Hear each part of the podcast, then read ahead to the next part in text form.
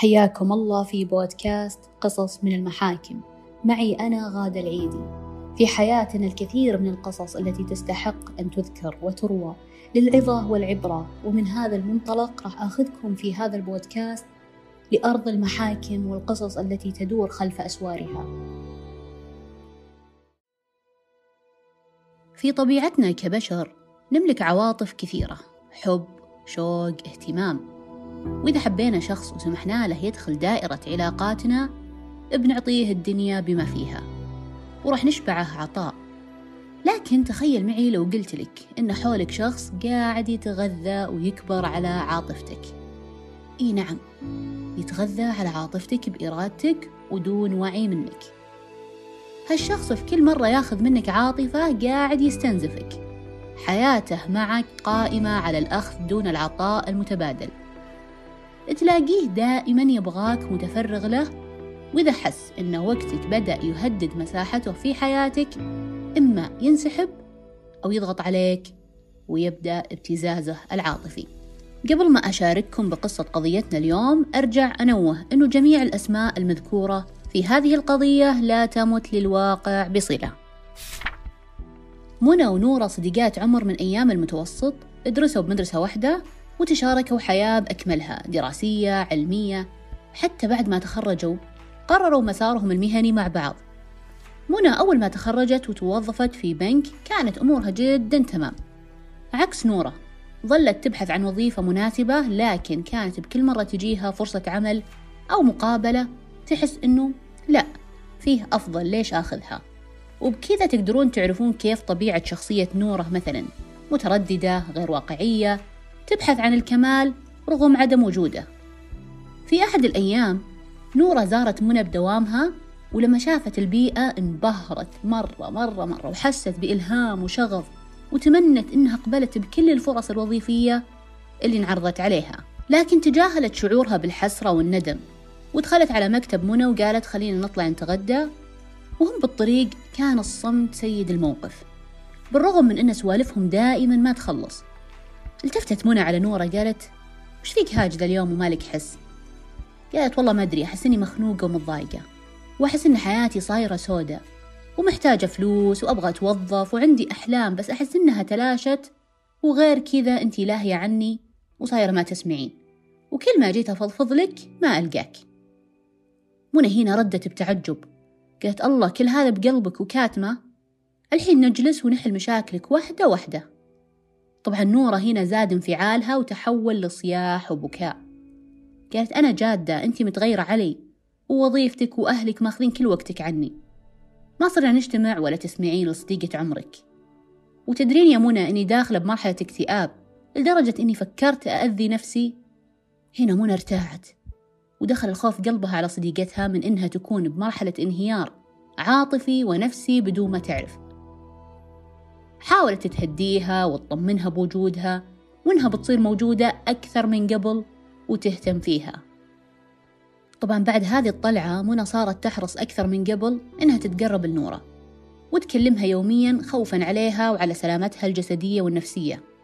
طبعا هالشي ما كان كافي لنورة أبدا وصارت تطلب أكثر طلعات أكثر مكالمات أكثر عزايم ضياع وقت.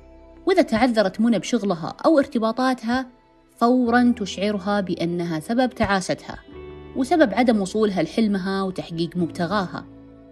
وتجلس تلومها أنت تصرفيني أنا ما أهمك دايما وقتك لشغلك. فهنا منى حست إن صبرها نفذ. قالت اسمعيني أنا عندي التزامات ووظيفتي وأهلي بحياتي مو معناته إني ماني مهتمة فيك لكن الحياة أولويات ومشاغل. ولو كنتي صديقة فعلا راح تتفهمين وتعذريني وتتقبليني وما تقولين إنه أنا مو قاعد أعطيك وقتك. متقصدة. هذا النقاش طبعا سبب أثر كبير على نورة فيوم رجعت البيت راحت طلعت علبة حبوب وصورتها لمنى وارسلتها واتساب. قالت اسمعيني أنا الحين باكلهم كلهم وأريحك مني. منى هنا انهارت. قلبها صار يرجف. ما فهمت هذه الرسالة تهديد بالانتحار ولا هذه حبوب مخدرة ولا وش السالفة؟ اتصلت عليها ما ترد. ترسل لها ما ترد. هنا انزرع خوف بمنى أن نورة ضاعت منها والسبب إهمالها وتقصيرها. مع أنها تدري من جواتها أنها كانت تقدم أفضل وكل وقتها وتسوي اللي تقدر عليه لصديقتها. طلعت منى في آخر الليل وتوجهت البيت نورة وتضرب الباب بقوة وكلها رجفة وخوف وتبكي. ما تدري وش اللي راح يواجهها خلف هذا الباب. فتحت الباب والله أم نورة قالت وش فيك يا بنيتي تضربين الباب كذا؟ قالت لها منى وين نورة؟ وش السالفة? طبعا الأم ردت ببرود قالت توها طالعة من المطبخ وقالت إنها بتنام. روحي غرفتها يمكنها ما نامت. منى تمشي ورجلها ثقيلة وخطوتها مرة قدام مرة ورا. ما تدري هل هي بتشوف نورة حية ولا ميتة. هل هي راح تكون بوعي ولا بدون وعي؟ وتتساءل معقولة أمها وأهلها ما يدرون عن بنتهم وانهيارها النفسي. يوم وصلت الباب غرفة نورة ادخلت ولقيتها منسدحة ومعلية صوت الموسيقى وتاكل. هنا منى من هول الصدمة ما قدرت تنطق. قالت أنتي تستهبلين تطقطقين علي ولا تلعبين بنفسيتي؟ الوين بتوصلين وإيش الصورة اللي شلتيها فكرتك بتأذين نفسك. طبعا نورة كانت بعالم آخر ما تسمع شيء. كانت تبتسم تضحك. قربت منها منى وشافت إن العلبة جنبها حبوب منتهية. ومزاج صديقتها مرة عالي. راحت كذا هزت نورة وقالت جاوبيني هالحبوب هذه وشي ردت نورة قالت هذه صديقاتي الجدد تبغين تجربينهم. عرفت منى طبعا أن نورة قاعدة تاخذ حبوب مخدرة لكن ما تعرف من متى ولا كيف ومين جابها. لكن من حالتها شكلها مو أول مرة تاخذهم وفهمت سبب انهيارها النفسي كان من المخدرات مو تقصيرها ولا إهمالها لصديقتها. من ذيك اللحظة منى خيرت نورة بعلاقتهم. قالت اسمعي يا تتعالجين من هالمخدرات وتصارحين أهلك يا أني أنا بطلع من حياتك. وطبعا كان خيار نورة المخدرات لكن الموضوع ما وقف هنا نورة كان يزيد إدمانها يوم بعد يوم وبكل مرة تدخل حالة نفسية سيئة كانت تزيد الجرعة لين يوم من الأيام وهي تحت تأثير المخدر توجهت البيت منى وقعدت تبكي وتصارخ عن بيتهم. تقول أنا فقدت حلمي أنا الناس تخلوا عني. منى أنت منتي صديقة وأنت السبب أنت سرقتي حياتي. وقعدت تتهمها اتهامات فظيعة وطبعا تصرفها هذا كان بغير وعي تماما. لكن الجيران سمعوها وصارت زي الفضيحة. وأهل منى أساسا متعجبين إنه ما قد شافوا نورة في هذه الحالة. فورا كلموا الشرطة وبلغوا وبعد بلاغهم التفتوا المنى. قالوا إيش فيها صديقتك؟ مجنونة هي وش السالفة؟ راحت منى علمتهم كل شيء قالت هي تاخذ حبوب وأنا حاولت أساعدها لكنها اختارت أني أكون برا حياتها. طبعا هنا زاد إصرار العائلة بأنهم يواصلون البلاغ. يوم جت الدوريات الأمنية للبيت وفقا للبلاغ اللي وصل لهم طلع من أهل منى الأبو وقال للشرطي أنه هذه البنت والله واقفة قدام بابنا وهي كانت زميلة بنتي لكنها سببت إزعاج وإحراج في الحي. وكانوا كل الجيران طالعين يشوفون شو السالفة. الدوريات الأمنية طبعا حققوا مع نورة شافوا حالتها وفورا اشتبهوا إنها تحت تأثير مخدر لكنهم ما يقدرون يجزمون. عشان كذا كانوا يكلمونها وهي ما هي مستوعبة الوضع وكانت تبكي وتضحك بنفس الوقت. شافوا سيارتها مفتوحة وبسبب الاشتباه اللي وصل لهم والبلاغ اللي جاهم فتشوها ولقوا على دخان ونص حبة مشتبه بأنها تكون مخدرة. طبعا بسبب هذا الشيء طلبوها تجي للقسم وقالوا لها ترى من حقك تكلمين محاميك أو أحد من أهلك تبغينا يكون معك عشان نتابع البلاغ. طبعا نورة ما كانت في وعيها لكن راحت معاهم. وفي القسم حضر أبو نورة بعد استدعائه من بنته ومصدوم من الوضع وكان يجهل كل اللي حاصل مع بنته. ولا هو عارف أساسا وش التهم الموجهة لها. كانت التحقيقات الأولية مع نورة عبارة عن عدة أسئلة. لكن بسبب نفسيتها ما كانت تقدر تقاوم هيبة المكان والتحقيق ووجود أبوها زاد الموقف رهبة لذلك أجابت بالإيجاب على المحقق بعد ما سألها هل أنت متعاطية أو معاك حبوب مخدرة؟ قالت لهم إيه قالوا لها طيب تقدرين تقولي لنا عن مصدرها ومن اللي جابهم؟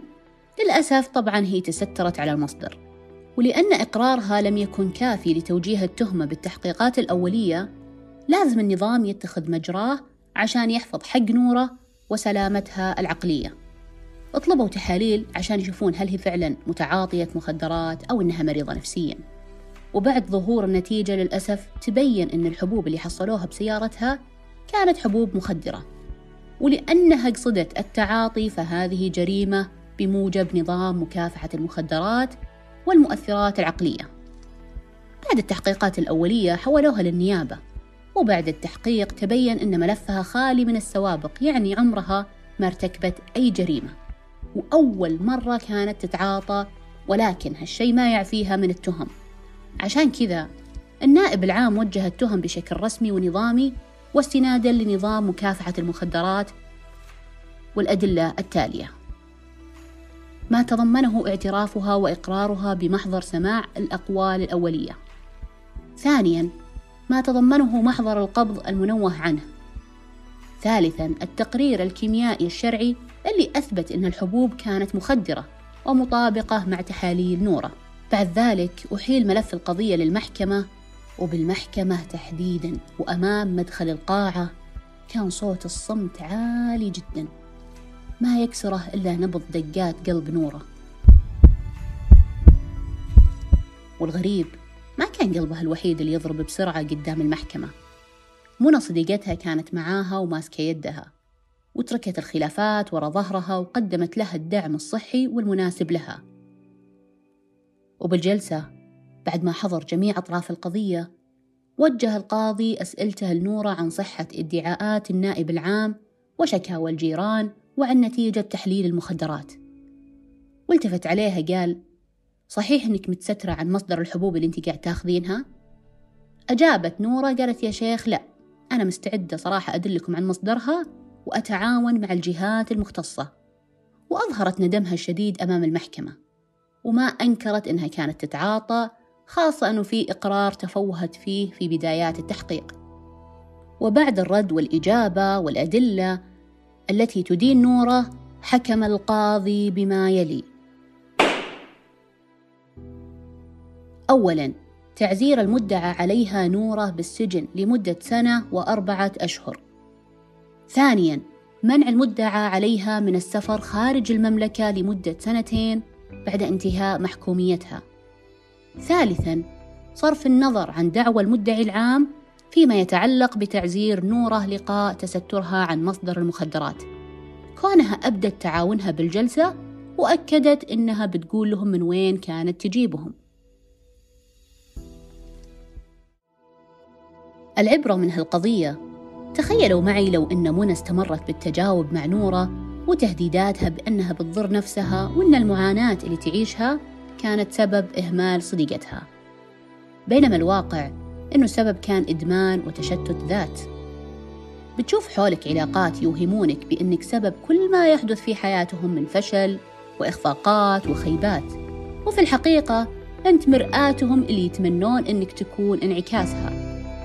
ومنى كانت بمثابة شماعة أخطاء نوره لا أكثر. تذكر كل ما تستطيع تقديمه لشخص يهمك وتشوفه يعاني ويتخبط إنك تحبه وتدعمه بدون شروط. لكن انتبه تخلي سواده يطفيك.